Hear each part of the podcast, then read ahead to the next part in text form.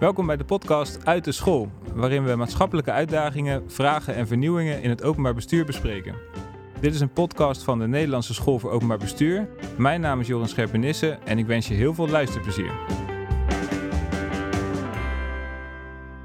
Extinction Rebellion, Follow the Money en de Algemene Rekenkamer. Op het eerste gezicht misschien een heel onlogisch rijtje. Maar deze drie organisaties zijn alle drie voorbeelden van tegenmacht. Maar wat is dat dan precies en hoe oefenen deze organisaties die tegenmacht uit? Die vraag wordt gesteld in het NSB-essay Wie wordt gehoord? En vandaag ga ik in gesprek met twee auteurs van het essay, waaronder NSB-onderzoeker Georgina Kuipers, gespecialiseerd in vertrouwen in de overheid. Welkom terug. Thanks. En universitair docent staatsrecht Gert-Jan Geertjes. Welkom. Dankjewel. Ja, en kun je iets vertellen over jouw specialisatie als, als uh, universitair docent staatsrecht? Ja, mijn specialisatie is het politiek staatsrecht. Dat is heel kort gezegd, gaat dat over de regels die gelden binnen en tussen, hou je vast, uh, politieke organen. Interessant, ja. En volgens mij zowel de geschreven, maar ook de ongeschreven regels, toch? Ja, dat klopt. Uh, en zeker de ongeschreven regels hebben mijn enorme warme belangstelling. Want ik ben gepromoveerd in 2021 op een proefschrift over ongeschreven regels. En die worden wel met een deftig woord conventies genoemd. Ook aangeschoven is Geert Boogaard, uh, hoogleraar decentrale overheden, uh, ook bij de Universiteit Leiden. Uh, Geerten, welkom. Jij wordt in het essay niet genoemd als auteur, maar je wordt wel bedankt voor je kritische reflecties op de tekst. Betekent dat dat jij ook een soort tegenmacht was hier voor de auteurs? Nou, ik heb in ieder geval kritische reflectie gegeven. dus ik heb commentaar geleverd op een eerdere versie inderdaad. Of ik tegenmacht uitgeoefend heb, dat weet ik niet. Een aantal dingen die ik gezegd heb, zijn niet verwerkt. Dus dat, uh, ik vind dat nog steeds de, um, aanleiding landschap, dat hoor je wel vaker, zorglandschap. En ik vind een landschap van macht en tegenmacht, vind ik nog steeds een ongelukkig beeld eigenlijk. Maar goed, die tegenmacht heb ik uitgeoefend. En, uh, ja, dan zie je ook weer de schaduw van de macht. De schaduw van de macht. Ja, is lang. Ja. heeft geen beslissende invloed gehad op de tech. In deze podcast toch nog de kans om even je, je gelijk te halen misschien wel. Ja, ik kan het nog een keer zeggen. Ik kan best een laatste woord krijgen hoor, als je dat leuk vindt. Zeker. maar Gert-Jan zei eerder ook al, uh, als auteurs ben je natuurlijk ook altijd een beetje elkaars tegenmacht. Want ook wij vinden soms dingen waar de ander het niet helemaal mee eens is. Ja, dus eigenlijk is ook dat essay een soort reflectie van hoe macht en tegenmacht eigenlijk werkt. Want we waren inderdaad ook elkaars tegenmacht. En we hebben ook de opmerkingen van Geerten die we niet hebben overgenomen, wel heel erg kritisch um, bekeken voordat we ze niet uh, allemaal overnamen. En sommige hebben we natuurlijk wel overgenomen. Oké, okay, nou ik ben heel benieuwd in het gesprek ook waar jullie het dan oneens over zijn. Dus dat, uh, daar gaan we het vanzelf over hebben. Eerst even over het onderwerp en de aanleiding ook. Het gaat over macht en tegenmacht. Uh, en volgens mij is de aanleiding eigenlijk ook dat dit onderwerp ter sprake kwam in de Tweede Kamer. Uh, Georgina, zou je daar iets meer over kunnen vertellen over de aanleiding van dit essay? Ja, zeker. Er uh, is tijdens een uh, begrotingsdebat door D66-Kamerlid Sneller een vraag gesteld over de manier waarop de, in dat geval minister van Binnenlandse Zaken, maatschappelijke tegenmacht wellicht meer zou kunnen of moeten stimuleren en of ze in dit geval bereid was om dat te onderzoeken. En om die reden heeft BZK uh, contact opgenomen met de NSOB om te vragen of dat iets is waar wij uh, uh, nou ja, een onderzoek, een beschrijving, een verwondering over zouden willen, zouden willen schrijven. Um, wat we op zichzelf een interessante vraag vonden. Uh, moet je dan maatschappelijke tegenmacht stimuleren? Als uh, uh, onderzoeker ga je dan eigenlijk al die onderdelen van die vraag proberen een beetje uit te pluizen. Dus kom je, wat ons betreft, kwam je eerst uit bij de vraag: ja, wat is dan tegenmacht? En dat betekent, wat is dan macht? Dus om die vraag te beantwoorden, leek ons eigenlijk essentieel om uiteindelijk bij die vraag over meer geld voor um, terecht te komen. En nog even over die aanleiding. Je zei het stimuleren van tegenmacht. Wat, wat moet ik me daarbij voorstellen? Nou, uh, onder meer financiële middelen is natuurlijk een manier waarop de overheid impuls kan geven aan die initiatieven die ze wel of niet wil aanmoedigen. Um, dus bijvoorbeeld moeten we als overheid, ik ben even hier een Kamerlid, moeten we als overheid meer geld betalen aan um, nou, bijvoorbeeld stichtingen of verenigingen die zich voor bepaalde belangen inzetten. Uh, om te zorgen dat ze effectiever tegenmacht kunnen uitoefenen. Oké. Okay. Um, macht en tegenmacht, daar gaat het dan over. Wat verstaan we daaronder? Ja, dat was de reden waarom uh, uh, mijn collega Martijn en ik vanuit de NSOB niet alleen maar binnen onze eigen NSOB-collega's wilden kijken, maar ook bij Gert-Jan terechtkwamen. Want het leek ons een interessante aanvliegroute om dat begrip van macht wat, nou ja, wat nauwer te bezien. Want het ingewikkelde aan macht is dat het als construct in de literatuur op heel veel plekken terugkomt. Hè? Dus, dus uh, wie heeft macht over wie? Dat kan je ook in, in heel simpele relaties tussen ouder en kind of leraar en leerling. Hè? Macht speelt op onwijs veel plekken een rol in allemaal vormen van wetenschap. Um, en als je daar over al die dingen iets moet zeggen in een essay, dan wordt het een heel lang boek. En dat was nou niet onze bedoeling. dus dachten we, ja, wat, wat is hier het soort macht waar we denken dat de Kamervraag over ging en dat we mee bezig zijn? En dat gaat over vormen van politieke macht, politieke machtsuitoefening, staatsmacht eigenlijk. Want als je naar het recht gaat kijken, en dat is ook uh, achtergrond, dan is de, de enige, uh, nou ja, een soort van juridisch pure manier om macht uit te oefenen is echt iemand kunnen dwingen om te doen waar die misschien anders geen zin in heeft. Dat is de staatsmacht. Ik zie Gert-Jan, volgens mij staat hij te popelen om hierop uh, in te springen. Nou ja, goed, daar moet ik nu wel nog één aanvulling op brengen. Want op zich zou je kunnen zeggen, ook een organisatie als de maffia heeft macht. Eh, dus als je als staatsrechtgeleerde daarnaar gaat kijken, dan kom je meteen nog met een nuancering. Eigenlijk moet je praten over gezag. Want gezag is gelegitimeerde macht. Uh, en dan kom je uit inderdaad bij um, het staatsgezag, zoals dat over ons wordt uitgeoefend. Maar het essay maakt het eigenlijk al nog gecompliceerder, dat begrip macht. Omdat het ook gaat over dynamieken. Want als je bijvoorbeeld zou gaan besluiten om bepaalde tegenmacht, bepaalde organisaties. Nou, je noemde er al een paar, ik zeg maar wat, Extinction Rebellion. Stel je voor, uh, er worden financiële middelen uitgekeerd aan Extinction Rebellion om nou ja, meer druk te zetten op het klimaatbeleid van de overheid. Dan kan dat natuurlijk op den duur ook weer uitgroeien tot een macht. Dus dat begrip macht of gezag is per definitie niet een statisch begrip. En, en wat dus de macht is en wat dus de tegenmacht is, dat is eigenlijk iets dat je altijd, om het maar heel deftig te zeggen, wij staatsrechtgeleerden houden van deftige woorden, um, ja, altijd contextueel, altijd in beweging. Dus nou ja, dat maakt het heel lastig om het antwoord te geven op de vraag, ja, wat is macht nou eigenlijk? Ja, en omdat dat wel de vraag was waar we iets mee moesten, hadden we dus een soort uh, noodzaak om dan te kiezen voor een perspectief. En dat is de reden waarom we die, die staatsrechtelijke aanvliegroute van, nou, wie heeft er dan macht in staatsrechtelijke zin? Dat zijn de drie staatsmachten. De drie staatsmachten, de wetgevende macht, de uitvoerende macht en de rechtsprekende macht. En waarom vinden we dat die macht over ons hebben? We hebben hem bijvoorbeeld het geweldsmonopolie gegeven. Dus uh, het is niet de bedoeling dat ik jullie uh, uh, zomaar in elkaar mag slaan. En de overheid zou dat om bepaalde gelegitimeerde omstandigheden wel mogen doen. En het interessante is dat daarmee de overheid dus eenzijdig jouw positie als burger bepaalt. Dat maakt de overheid bijzonder machtig ten opzichte van een hele hoop andere partij. Dus jullie zeggen eigenlijk hier, de, wat, wij hier verstaan onder macht, zijn dus die wetgevende macht, die uitvoerende macht en die rechtsprekende macht. En daaromheen zit eigenlijk een heel veld van allerlei actoren die tegenmacht kunnen uitoefenen. En uh, ik zie dat jullie een onderscheid maken in twee soorten tegenmacht: institutioneel en maatschappelijk. Bij institutioneel zie ik staan bijvoorbeeld, nou, de Rekenkamer kwam al langs, het Centraal Planbureau, uh, de Onderzoeksraad voor de Veiligheid. Bij maatschappelijke tegenmacht zie ik dan weer hele andere soorten partijen staan. Um, Shell, uh, de um, Bits for Freedom, Hells Angels zie ik zelf staan. Dat is allemaal dus tegenmacht wat, wat, jullie hebben bekeken als nou, ten opzichte van die macht iets wat wat in een, in een bepaalde categorie valt. Ja, het is zelfs denk ik nog iets breder, want je zou kunnen zeggen dat de staatsmacht, dus de, de, de binnenste schil in het, uh, in het essay, uh, dus de wetgevende, uitvoerende en de rechtsprekende macht, die vormen in zekere zin ook weer elkaars tegenmacht. Dus ook zelfs in de macht zou je kunnen zeggen, is er weer tegenmacht. Maar goed, dat hangt ook weer van af natuurlijk hoe je dat bekijkt.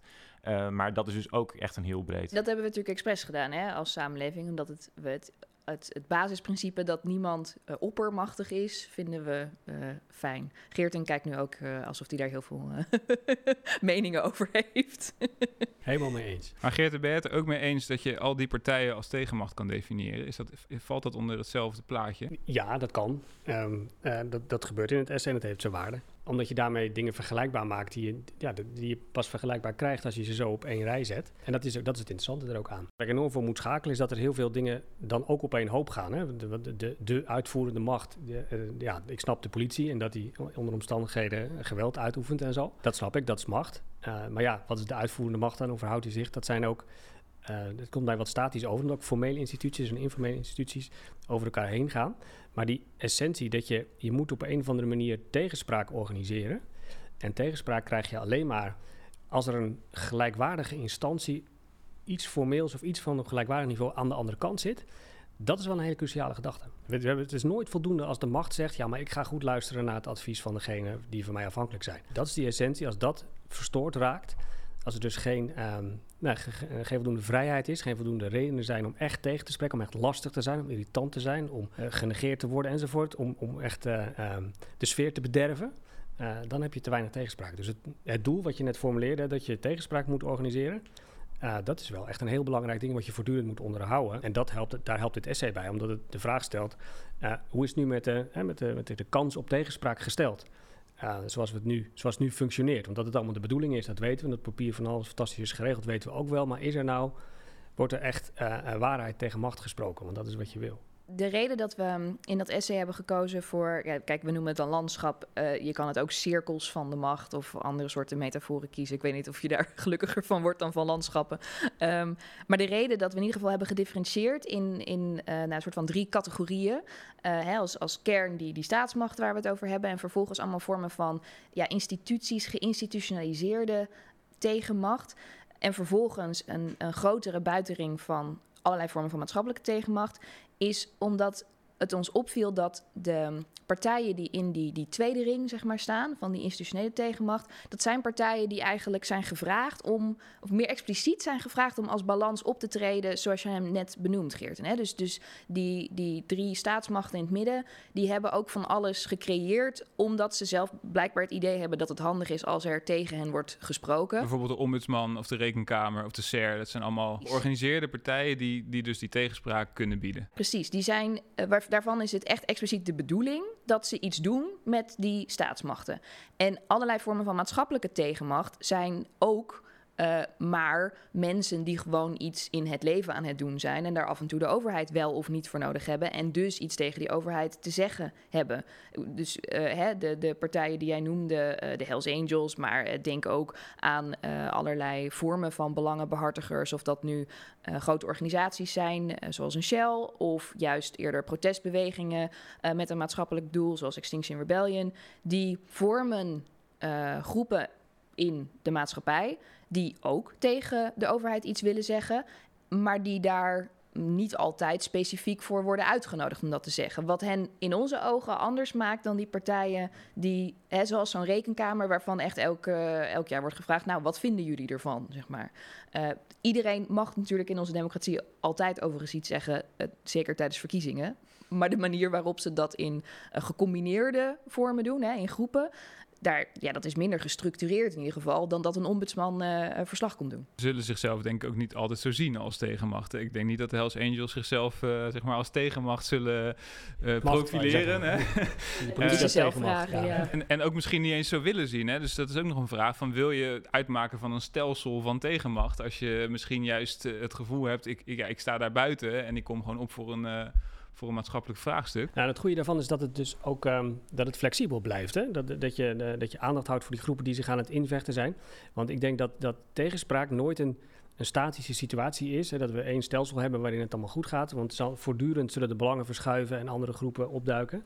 Um, dus die zijn zich uh, voortdurend aan het invechten en daar moet je ook voor hebben. Het kan namelijk zijn dat er veel meer uh, invloed uit die informele structuren komt dan eigenlijk de formele structuren. En dan is het de vraag, ja, moeten we dan dat gaan wisselen? Moet er iemand van informeel ook formeel worden? Hebben we nog de juiste instanties aan tafel?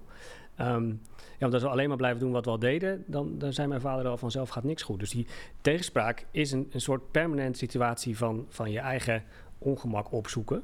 En um, dus die openheid, die fundamentele openheid die erin zit, we hebben het in de kern, in de instituties wel goed geregeld. Maar wie zijn er, wie proberen, wie dreunen er op de poort? Um, en, welke groep is dat en hoeveel invloed willen we die geven? Uh, dat is wel eigenlijk de vraag die voortdurend open blijft liggen. Soms denk ik ook wel eens dat het te statisch wordt gedacht. Dat er één, wordt er gedroomd van één situatie waarin iedereen zijn eigen rol speelt en met elkaar vertrouwt en allemaal het algemeen belang en het is allemaal gezellig en fantastisch. Terwijl het is ook een voortdurend gevecht om, om je punt te maken. Uh, voortdurend ge, gevecht eigenlijk ja, om, om het deel van het laken jouw kant op te trekken. En het idee van machtsevenwicht is dat er dus even hard wordt getrokken aan beide kanten. En niet dat er nergens meer getrokken wordt. Maar tegelijkertijd is jouw kritiek op ons dus ook wel, op, op ons essay dus wel, en nu ga ik even een beroep doen op jouw um, positie als onze tegenmacht, uh, dat, je, of dat wij in ons essay die formele en informele instituties een beetje op één hoop gooien. Dus het voordeel is, zeg je aan de ene kant, dat het landschap in beweging is en, en, en dat je dus ook ehm, ja, uh, instanties of instituties of, of verzamelingen mensen die op zichzelf wel als tegenmacht opereren, maar niet die officiële erkenning krijgen, dat we die op die manier in het oog hebben. Maar aan de andere kant zeggen, ja, je gooit ze wel een beetje op één hoop met andere instituties die wel zo'n soort positie hebben. Dus ik vroeg me af, hoe verhouden die twee kritiekpunten zich dan eigenlijk tot elkaar? Nou, de, de, ehm, eh, niet om het nog ingewikkelder te maken, maar eigenlijk die de instituties zijn altijd en formeel en informeel. Zeg maar. Ze hebben een, een formele kant, nou, dan worden ze erkend gewoon als uh, op papier. En ze hebben een informele kant, een sociologische informele kant, wat gewoon een, een handelingspraktijk is, een normatieve handelingspraktijk. Kunnen we één voorbeeld nemen om dat even te illustreren? Nou, de, de burgemeester bijvoorbeeld. Hè. De burgemeester, uh, dat, die, uh, die wordt door het staatsrecht gecreëerd. Er is een burgemeester, er zijn een burgemeester. Uh, maar er is ook een idee in de samenleving waar mensen aan denken bij een burgemeester. Dat wordt ook gewoon in, in, in films en series wordt dat gebruikt. Een, een, man met een ketting is een burgemeester, een vrouw met een ketting is een burgemeester. Dus dat verwijst naar een, een institutie in sociologische zin. Iemand aan wie wie wij bepaalde eigenschappen toeschrijven, aan, aan wie bepaald gezag toekennen, iemand die bepaalde dingen kan doen. Dus dat, en, in de ideale situatie zijn, zijn effectieve instituties die, die uh, de overlapt informele kant met de formele kant. Dan, dan denken mensen bij een burgemeester wat hij ook kan. Het beeld klopt, want dan is het meest effectief voor een institutie. Er zal altijd een beetje uh, verschil in zitten, maar soms dan moet de praktijk aanpassen en soms de norm aanpassen. Um, en zo is dus een, een, effectief institutie die, die moet worden bekeken, klopt nog wat hij feitelijk doet en wat mensen ervan verwachten en wat die, die op papier staat. Dus klopt het toch dat de burgemeester die rol speelt, de, die, die die informeel heeft met die die formeel heeft. En het kan heel wel zijn dat, dat, dat soms de, tegenmacht wegvalt, omdat het op papier nog een tegenmacht is, maar het eigenlijk informeel um, niet meer uh, echt tegengas geeft. Dus dat, maar dat, alles heeft zijn voor- en zijn nadelen. Hè. Dat was een beetje flauw om erop te mopperen. Want doordat je het wel op één lijn zet, maak je ze on, poneer je gewoon wat, wat, wat levert het op als we ze gaan vergelijken. Uh, en je kunt altijd natuurlijk differentiëren en verschil gaan maken. Dit geeft een beeld, denk ik, van hoe macht en tegenmacht in het essay uh, worden benaderd hè, en, en wat daar allemaal onder valt. Hoe is het daarmee gesteld? Dus hoe is het eigenlijk met tegenmacht in Nederland? Moeten we ons zorgen maken of niet? Wat is jullie diagnose?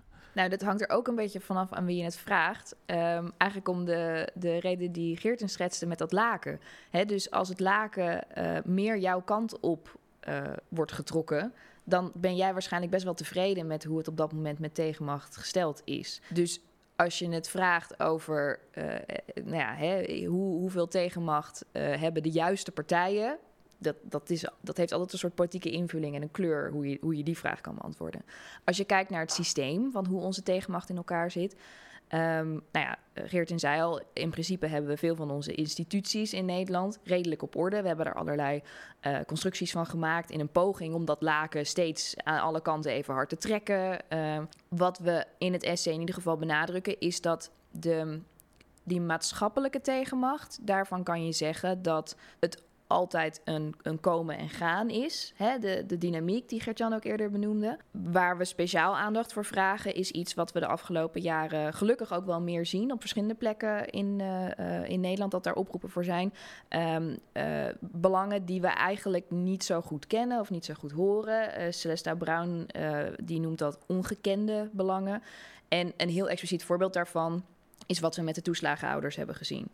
Want de toeslagenouders waren een belang, maar hebben in ieder geval enige tijd onvoldoende uh, maatschappelijke tegenmacht kunnen uiten om dat belang kenbaar te maken of effect te hebben. En de reden dat ik dit voorbeeld gebruik is, die toeslagenouders hebben wel bij verschillende vormen van de staatsmacht, hè, dus die, die kern van de staatsmacht, hebben ze geprobeerd om nou ja, hun, hun situatie kenbaar te maken. Bijvoorbeeld ook doordat ze wel naar rechters zijn gegaan.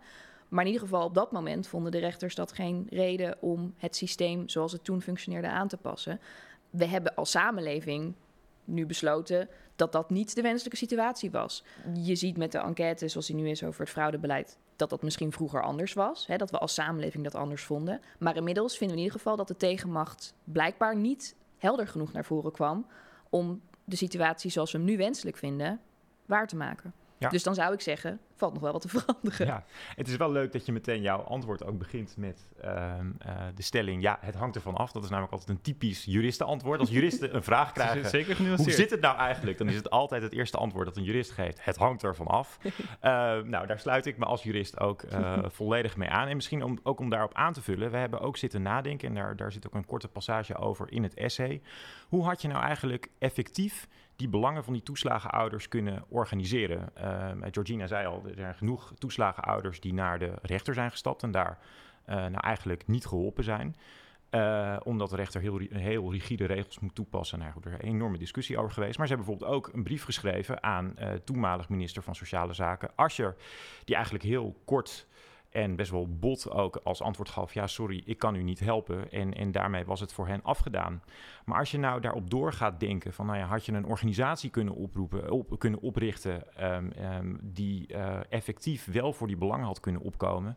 dan was het ook nog best wel lastig voor zo'n organisatie geweest om eh, naar de rechter te stappen en, en collectief aandacht te vragen voor de situatie van die ouders, omdat er allerlei hele ingewikkelde ontvankelijkheidseisen gelden voor belangenorganisaties. Dus er zijn En- allerlei juridische Precies, allerlei juridische systemen. obstakels die, die ervoor zorgen dat, eh, eh, dat zo'n dat zo'n soort organisatie, als die had bestaan, het ook nog heel moeilijk had gehad bij de rechter. Terwijl weer een andere organisatie, zoals Urgenda, eh, toen die opkwam voor ehm, het klimaatbeleid en daar de staat voor dagvaarde, wel bij de rechter terecht kwam. En als je dan echt gewoon effectief gaat kijken, wat zijn nou eigenlijk de verschillen tussen die twee organisaties?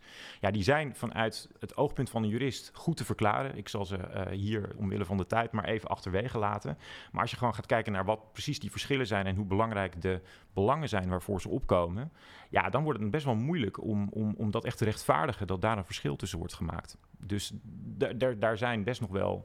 Maar als we even Ehm. dat voorbeeld van die toeslagenouders eh vasthouden, hè, dan gaat het dus over de vraag van ja, waar eh, konden zij dan terecht? Nou, ze hebben op verschillende plekken aan de bel getrokken, maar ook is dat dan effectief? Hè? Kun je effectief je belang naar voren brengen? Of, maar eh, ehm, er zijn toch allerlei instituties die, eh, die dat goed zouden moeten kunnen. Ik denk aan de ombudsman, die er dus ook specifiek voor is opgericht om belangen van, van burgers die in de knel komen, ook in de bureaucratie te behartigen. Is dat dan, die instituties zijn er wel, maar die kunnen dan toch niet effectief genoeg optreden? Of waar, waar, waar loopt het dan spaak? Nou, sowieso is het belangrijk om te zeggen, hè, daarom ehm, leiden we dat aan het begin ook zo in. Wij hebben expres voor die definitie van macht gekozen zoals we het hebben gedaan. Hè, dus die soort van juridische definitie van macht. We zijn natuurlijk niet gek en begrijpen dat er ook andere vormen van macht zijn die, in andere, ehm, die je op andere manieren kan uiten. Hè. Dus bijvoorbeeld geld hebben, toegang ergens toe hebben, eh, agenda macht hebben, eh, charisma. Hoe groot is je groep, hoe zichtbaar is je groep? Dat zijn ook allemaal vormen waarop je macht wel of niet hebt. Ehm, dat betekent dus dat als je die vormen van ehm, macht, die in de bestuurskunde bijvoorbeeld worden bestudeerd, meer meeneemt, kan je ook zeggen, ja, de toeslagenouders hadden het op dat, eh, in dat opzicht bijvoorbeeld niet goed genoeg. Ze waren niet goed genoeg georganiseerd om misschien eh, te weten dat ze naar de ombudsman konden om zo'n signaal door te geven. Ik bedoel eigenlijk meer van, het is ook een beetje de vraag, moet je hen nou verwijten dat ze geen belangenorganisatie hebben opgericht? Dat bedoel ik meer Oh van, nee, zeker niet. Nee, ze zijn er. Nee, het, het, het moet een soort van dieper zitten. Want ze hebben wel degelijk gelopen voor hun, eh, Ja. eh, voor hun, een belang en voor hun zaak. Dat is ook wel... We moeten daar eh, eh, inderdaad heel veel van leren. Hoe heeft dit zo, zo, zo mis kunnen gaan? Maar er zit voortdurend worden de mensen vermalen. Ja. Ehm, eh, en dat gebeurt. En dan, dan, dan, melden ze zich en dan eh, die krijg, krijg je zo'n mailtje. En dan, dan gaat het ook over dat je dan, als je zo'n verhaal hoort, dan denk je, nou, er heeft de rechter naar gekeken. Die zal wel gekeken hebben of dit klopt. De Belastingdienst zal dat toch niet doen. Eh, Je vertrouwt op een bepaalde manier dat instituties werken. En daar zit de schok ook in, eh, ja, dat, ze is dat echt niet hebben een gedaan. verandering van de afgelopen jaren. Ja, en daar moeten we dan wel, eh, hoe is dat dan, hè, hoe, hoe heeft, waarom zijn ze niet doorgekomen? Want het is niet zo simpel dat, dat, dat, dat, we, dat niemand het wist en allemaal andere dingen aan het doen waren. Zij waren een van de velen die eh, dagelijks Kamerleden bestoken met mails eh, eh, hoe het in hun situatie gaat. Kijk maar eens wat er binnen de jeugdzorg, er voortdurend mails rond en, en casussen rond. Denk, als dit echt zo waar is, dan gaat het gruwelijk mis. Dus dat buitelt voortdurend rond in het systeem. En ja, dat, dat, dat doet het nog steeds. Dus het is niet zo dat, dat het een soort uitzondering was. Ehm, dus het is, ja, wat levert dat dan op? Ik denk de, de- bij, de, bij, de, bij de toeslagenaffaire dat je ziet dat eigenlijk de desinteresse voor de uitvoering, die gegroeid was, dat die genadeloos eh, opgebroken is. En dat er echt dat er een soort, soort splitsing was. Wij, wij zijn hier van beleid bezig en uitvoering, ja, dat moet ook goed. Maar dat is niet, dat is niet onze, onze, eh, onze tak van sport. En daar was de, de, de Tweede Kamer ook in meegegaan. Ehm, dat ze dus eigenlijk te veel te weinig de, zich de simpele vraag stelde, die mail die ik nou in mijn mailbox krijg, als dit waar is, hebben we echt een probleem. Uh, en dat, die vraag moeten ze dan kunnen beantwoorden door voldoende medewerkers te hebben om vragen, check of dit klopt. Want als dit inderdaad zo is, dan moet ik hier werk van maken. En is dat nou, is dat zeg maar, dus die, die misschien wel arrogantie van de macht als het gaat over de uitvoering? Eh, of het, het, gebrek aan aandacht ervoor, is dat nou, eh, we bespreken nu één casus, maar is dat nou een dieper liggend patroon? Zie je dat in veel verschillende gevallen terug? Is dat eh, een nou van de zaken waar we ons zorgen over moeten maken? En wat ze volgens mij gedaan hadden, was dat, dat de Tweede Kamer zich een soort bestuurlijk op ging stellen. Die ging eigenlijk het spel van het bestuur spelen. En de Tweede Kamer uh, moet zichzelf zien als, en moet ook zo worden ingericht en zichzelf inrichten als, dat zij een andere rol spelen in het stelsel. Zij moeten die signalen die binnenkomen, dan moeten ze kijken of dat klopt of er wat in zit. En als je uh, alleen maar jezelf in een soort raad van toezichtachtige positie plaatst, waarin jij meegaat met de, met de, ja, de stukken die je krijgt uh, van de regering. En al, al, die indicatoren. Daar stonden die toeslagen niet in, uh, toeslagenouders niet in. Die, daar kwamen ze niet in voor. Degene die ze als eerste zagen, was uh, de ombudsman. Die had als eerste systematisch karakter hiervan door, omdat hij, zijn vak is het wel om uh, zo'n verhaal uit te diepen. Als dit klopt, hebben we een probleem. En, en ook een, een, enkel verhaal is dan ook al genoeg. Dat is natuurlijk ook een belangrijk ja. verschil. En ja. als je dan dus naar incidentenpolitiek, ja, uh, als het een heel erg incident is, dan is het heel goed dat het erover gaat. En niet zonder reden dat bijvoorbeeld Renske Leijt als eerste erop duikt, want de SP heeft juist een hele traditie in dit soort politiek bedrijven.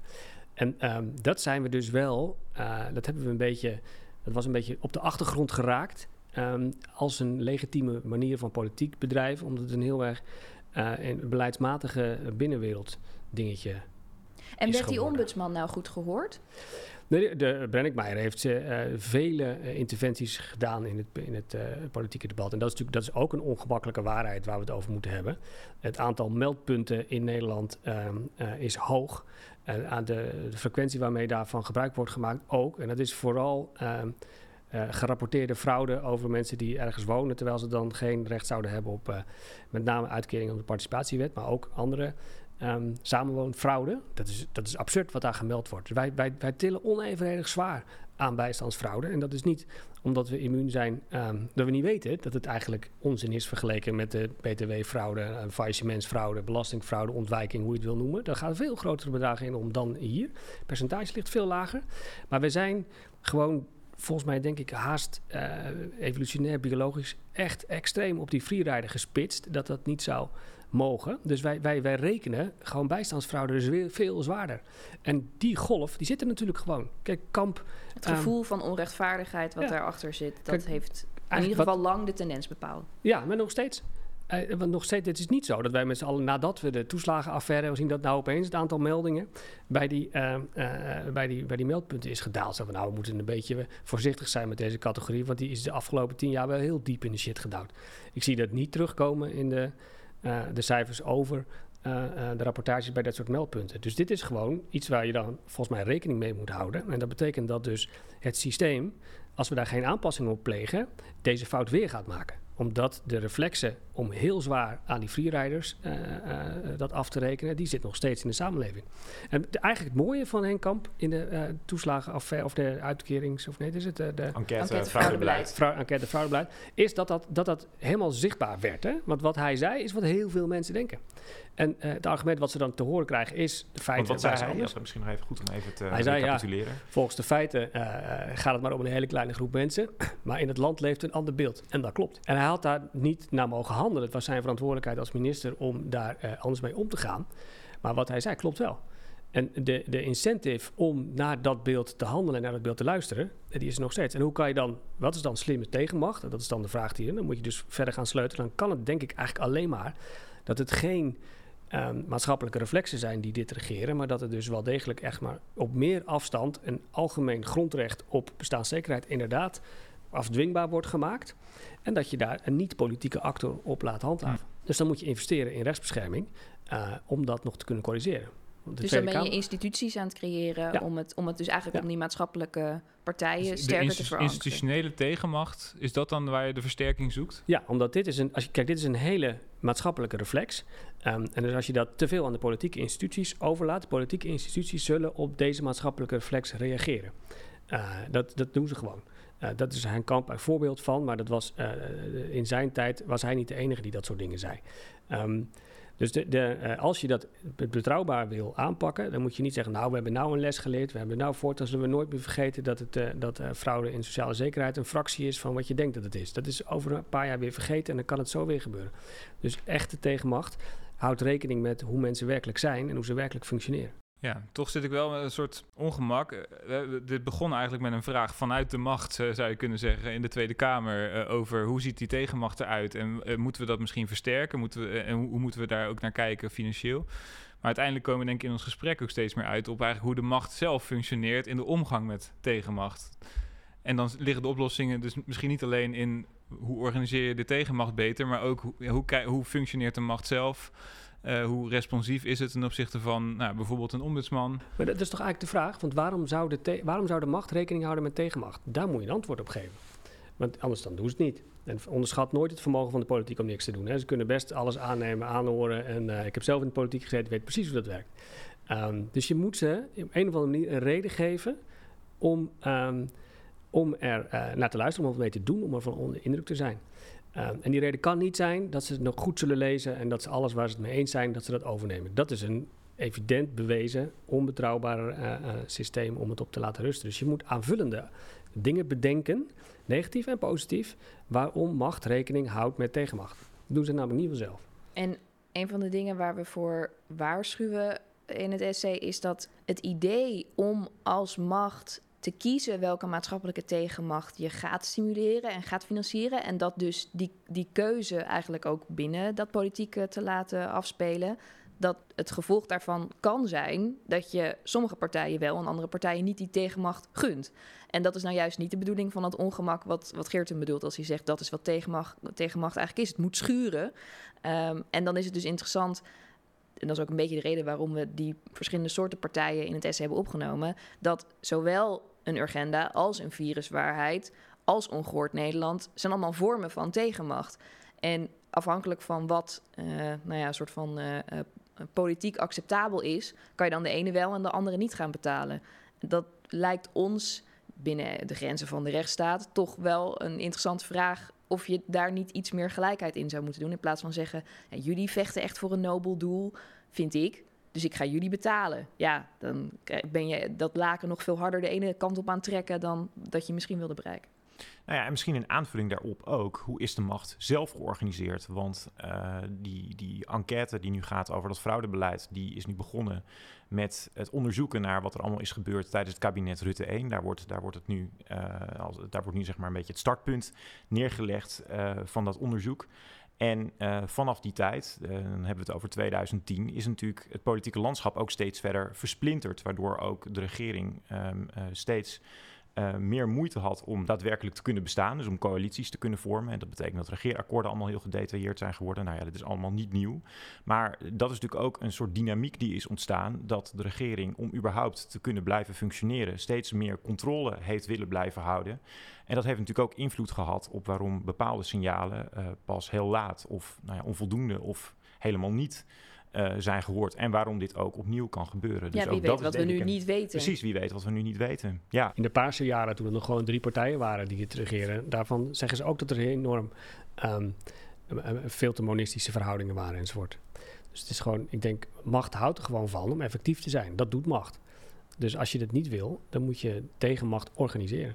Maar in de tijd van Paars was het nog wel zo dat je veel meer, wat meer autonome Kamerleden had, ook van de coalitiepartijen, die uh, de ook de tijd hadden, de, was waardoor minder. de fractiediscipline inderdaad minder was en die zich wel konden laten horen over beleid van het kabinet, waar dat kabinet het ook niet per se mee eens was. En dan Daar het, was in ieder geval wel meer ruimte voor. Ik zal, maar ik het gunstige is, is dan weer, zou ik zeggen... Kijk, we weten niet wat de toekomst gaat brengen... maar het interessante is natuurlijk dat dit onderwerp... überhaupt nu politiek op de agenda staat. Dus je kan daar ook weer enigszins het zelfreinigend vermogen van... Uh, nou, democratie als tegenmacht inzien. Dat we het wellicht ook gaan hebben over dat soort, uh, hoe noem je het, een autonome Kamerlid, zeg maar, hè, die, die zich daartegen wil ageren. Ja, Vind ja. ik dan dus wel weer heel interessant als het gaat over hè, steeds uh, effect-reactie. dus de, elke keer zijn dat twee dingen die op elkaar reageren, zeg maar.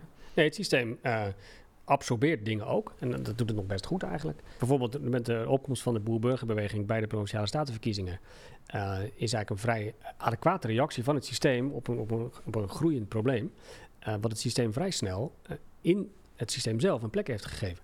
Ja. Uh, dus Mensen niet- die iets vinden, kunnen een partij vinden Ja. om op te stemmen. Maar- dat is de bedoeling van Ja. hoe we het systeem hebben ingericht. Dat zorgt ook voor meer vertrouwen in de politiek. Zou je dat nog even kunnen uitleggen? Wat is dan het groeiende probleem en wat absorbeer je dan? Nou, er, er was een, eh, eh, de, de boeren waren kwaad over dat stikstofkaartje met name. Er zit natuurlijk van alles achter en de manier waarop dat gaat enzovoort. Dus, maar dat, dat, dat, escaleerde over het stikstofkaartje. En toen nou, dan kwamen ze met de trekkers, eh, trokken ze op naar de macht. Hè, veel, letterlijk tegen de deur van het provinciehuis aan in Groningen, geloof ik. Dat is, dat is gevaarlijk voor, voor een, voor een eh, politieke constitutie. Want dan krijg je het systeem tegenover de bevolking. Dat zo begint, dat kan helemaal gruwelijk uit de hand lopen. Heet het revolutie en dan, dan is alles weg.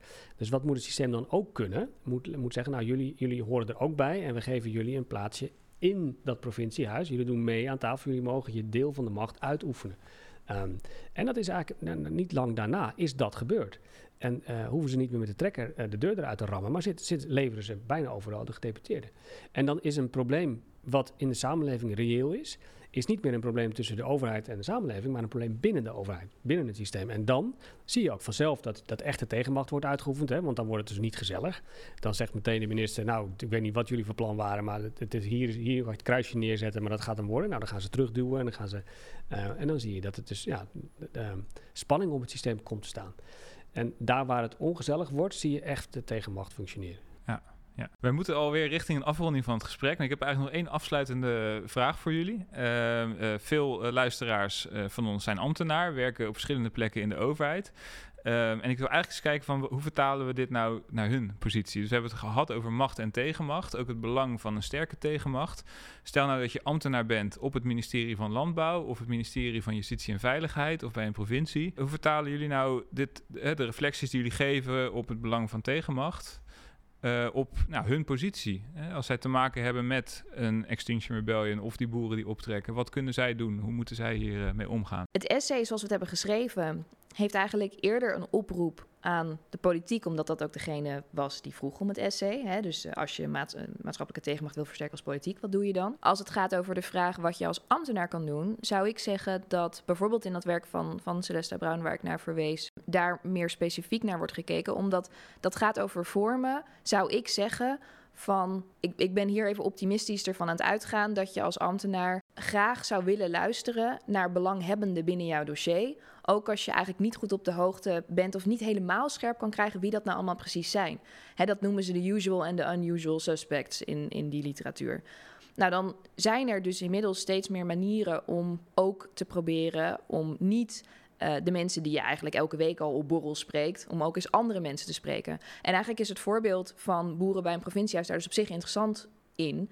Het vermoeden wat in ieder geval bij mij bestaat, is dat die elkaar niet dagelijks spraken. Want anders zou ik zeggen dat die verhoudingen op een andere manier waren gelopen. Dus meer, meer en misschien ook wel eerder unusual suspects opzoeken. Dat is in ieder geval vanuit die literatuur de, de oplossing. En, daar, en het interessante is dus wel, dan is de uitdaging, en dat past heel erg bij organiseer je eigen tegenspraak, organiseer dus je eigen ongemak. Dus wat is eigenlijk niet logisch om naartoe te gaan? Weet je, wie, aan wie kan je iets vragen die je het niet eerder hebt, hebt van hebt gedaan, of waar je misschien zelfs bang van bent om te weten wat ze gaan zeggen? Eigenlijk is het waarschijnlijk beter om het aan die mensen ook eens te vragen. Ja. Gert-Jan, heb jij een boodschap voor ambtenaren? Nou, ik denk dat de stilte die we net lieten vallen, dat die heel illustratief is. Uh, dat het soms heel nuttig kan zijn om even inderdaad een paar seconden pauze te nemen voordat je tot actie overgaat. Dat je gewoon eens in kaart brengt van, nou ja, wat ligt er eigenlijk allemaal op tafel? Welke stemmen zijn er eigenlijk allemaal die op dit uh, dossier waarmee ik nu bezig ben, uh, ben een stem zouden moeten hebben? Um, en ik denk dat uh, uh, het ons land er nog altijd zo goed voor staat... dat heel veel mensen het ook wel begrijpen als ze een keer ongelijk krijgen. Maar dat het vooral heel erg belangrijk is dat ze überhaupt uh, gehoord worden. En dat zit ook in het, in, het, in het essay wel. Dat er ook gewoon best wel veel mensen zijn die überhaupt niet in staat waren... om hun stem te laten horen. Maar ik denk dus dat als ambtenaren... Um, er in, in, staat toe zijn om, om in kaart uh, te kunnen brengen welke belangen er überhaupt spelen. En, en, en, en daar een goed beeld van te kunnen krijgen, dat dat al heel erg veel kan helpen. En ik denk ook dat heel veel dat zouden kunnen en ook willen doen. En dus in ieder geval, in al die gevallen is belangrijk, net als bij de politiek, dat dus niet de ambtenaren mogen gaan bedenken. Hè, dus het, het stomme is steeds, ja, ambtenaren moeten het goed in kaart brengen. En tegelijkertijd mag het nooit de ambtenaar zijn die bedenkt wie Ja, allemaal de tegenmacht precies. is. Hè, Ja. dus het is een onwijs ook precaire balans, zeg maar, daarin. Geert, en jij hebt het langste mogen nadenken over deze vraag. Jij krijgt het laatste woord. Wat, ja, ik eh, weet niet of mijn antwoord daardoor beter wordt. Het is, het is ingewikkeld. Ehm, de ambtenaren zijn natuurlijk in zichzelf ehm, een, een tegenmacht. Dat ze een, een, een eet of een belofte op het algemeen belang hebben afgelegd. En dus en voor de lange termijn en voor de inhoud eh, staan.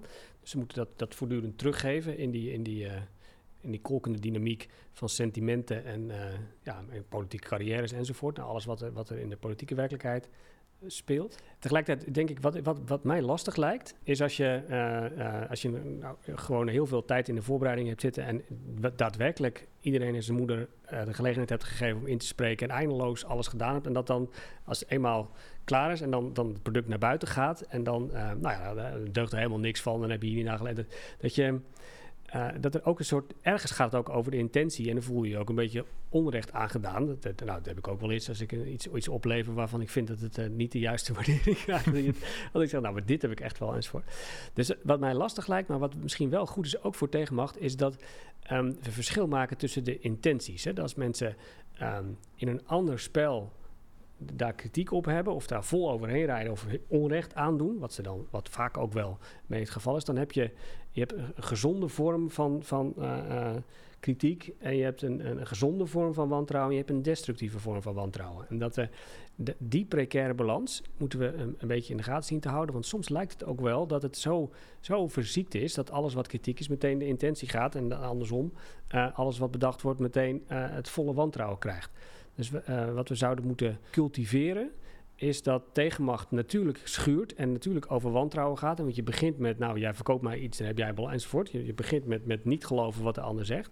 Eh, maar dat we dat, als we dat van twee kanten af blijven benoemen, dat, dat een zekere mate daarvan en een zekere eh, inhoudelijke ja, focus daarin, terwijl de relatie goed blijft, ehm, dat dat eigenlijk het meest, dat is eigenlijk het, het weefsel eh, op, op zo'n gewricht. Dat, het wel, eh, dat er een soort tussenruimte is waarin je eh, je, je, je tegenmacht kunt uitoefenen.